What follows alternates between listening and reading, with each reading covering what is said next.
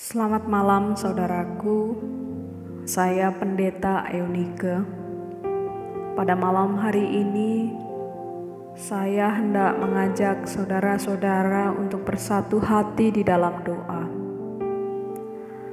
Namun, sebelum kita bersama-sama berdoa, marilah kita membaca atau mendengarkan firman Tuhan dari Mazmur pasal 143 ayat 5 sampai 8. Izinkan saya memperdengarkan Mazmur pasal 143 ayat 5 sampai 8 dalam Alkitab Bahasa Indonesia masa kini. Ku ingat hari-hari yang lalu Kupikirkan segala perbuatanmu, kurenungkan semua karyamu. Aku berdoa kepadamu dengan tangan terentang, seperti tanah yang kering, jiwaku merindukan engkau.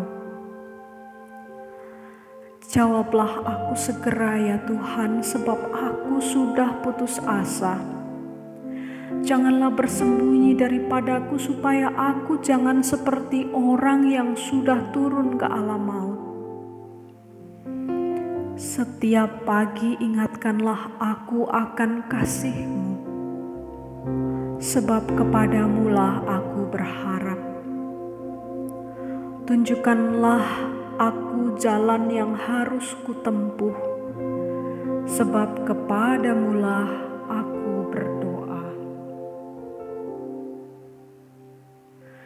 Saudaraku yang terkasih, ini adalah hari ke-15 kita melakukan social distance. Sejak pemerintah menetapkan himbauan untuk belajar di rumah, bekerja di rumah dan beribadah di rumah. 15 hari taat berada di rumah bukanlah perkara yang mudah untuk sebagian orang terlebih bagi mereka yang hidup dengan mengandalkan penghasilan harian. Bagi saudara yang mendapat penghasilan dari berdagang, ojek online, event organizer, sales, karyawan pabrik, wirausaha, maupun pekerja informal lainnya kami memahami bahwa situasi hari ini sungguh tidak mudah bagi saudara dan keluarga saudara. Kita tidak pernah tahu apa yang akan terjadi di depan kita. Besok, lusa, minggu depan, bulan depan, bahkan tahun depan. Tetapi yakinlah bahwa Tuhan tahu apa yang akan terjadi dia melangkah lebih jauh daripada apa yang ada di pikiran kita. Dalam situasi yang serba tidak pasti belakangan ini, kita tidak akan dibiarkan jatuh hingga tergeletak. Kegundahan yang kita rasakan di hari ke-15 ini juga pernah dirasakan pemazmur. Daud, sang raja besar itu, merasa lesu dan mengalami kesesakan. Dalam situasi itu, yang dilakukan olehnya adalah yang pertama mengingat hari-hari yang lalu, memikirkan perbuatan dan karya Tuhan di dalam hidupnya. Ia juga terdiam dan berdoa beritahukanlah aku jalan yang harus kutempuh. Saudara Daud tidak berusaha mengatasi setiap persoalan dengan mengandalkan kekuatannya sendiri. Alih-alih bergantung pada hal lain, Daud malah berseru kepada Tuhan, "Sebab kepadamulah aku berdoa." Saudaraku yang terkasih, Situasi kita hari ini sungguh membentuk kita untuk menjadi manusia yang gemar bertanya, bertanya kepada Tuhan dalam doa, agar olehnya kita mendapat kelegaan. Saya teringat kalimat Tuhan Yesus.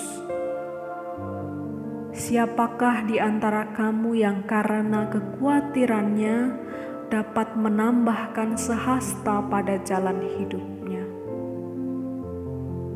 Mari bertanya kepada Tuhan agar mendapat kelegaan. Saudaraku, meminta petunjuk dari Tuhan tidak hanya benar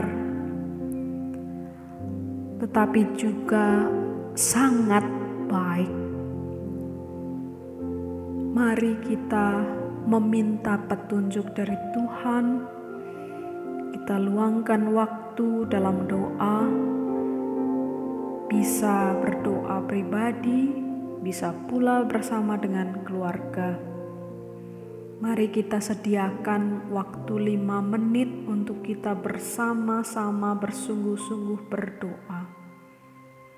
Kita akan mulai dengan memanjatkan doa Bapa kami dengan dinyanyikan. Kemudian kita lanjutkan dengan berdoa untuk situasi Indonesia, situasi dunia saat ini. Mari kita berdoa.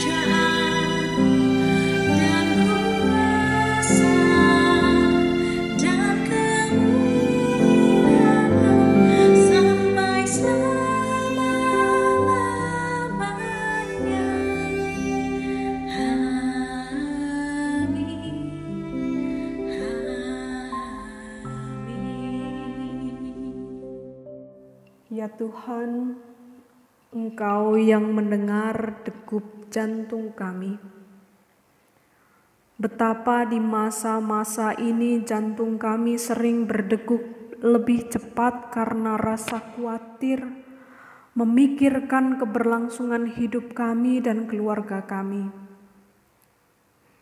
Memikirkan kehidupan saudara-saudara kami yang bergantung pada penghasilan harian Oh Tuhan, siapakah diri kami yang sanggup memecahkan semua persoalan ini? Ajarkanlah kami agar hari demi hari kami percaya pada petunjuk yang Tuhan berikan. Dan tolonglah kami agar kami tak lelah bertanya kepadamu di dalam doa.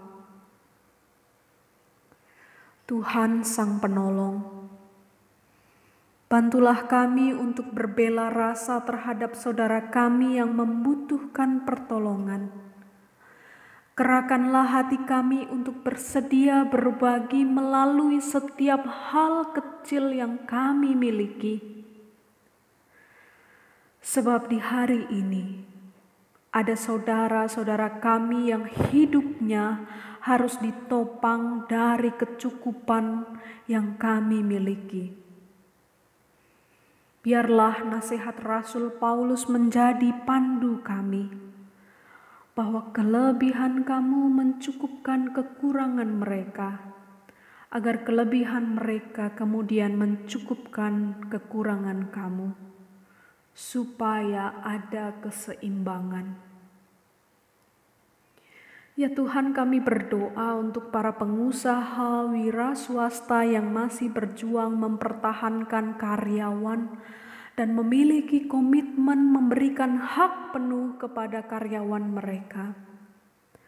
Tuhan anugerahkan hikmat kebijaksanaan agar mereka boleh mengambil strategi yang tepat dan adil bagi semua orang. Kami terus berdoa untuk pemerintah daerah maupun pemerintah pusat yang terus mengupayakan kebijakan ekonomi yang berkeadilan bagi masyarakat di semua lapisan. Tuhan yang menganugerahkan hikmat agar di situasi seperti ini setiap pihak saling bahu-membahu untuk kesejahteraan bersama. Ya Tuhan, Sang Kepala Gereja, kami juga berdoa bagi gereja kami yang terus mempertahankan rasa asin sebagai garam di tengah situasi yang tidak nyaman ini. Tolonglah GKJ Jakarta untuk terus menjadi komunitas yang tanggap dengan bencana ini membantu pemerintah terus mengupayakan keberlangsungan hidup warga jemaat dan hidup warga masyarakat. Melayani umat dengan segala keterbatasan apalagi kelebihan yang dimiliki oleh GKJ Jakarta. Tuhan, buatlah setiap warga jemaat dengan sukarela dan bersatu hati saling bahu-membahu untuk kepentingan pelayanan umat Tuhan. Inilah doa dan permohonan kami Tuhan. Dalam pengasihanmu kami mohon.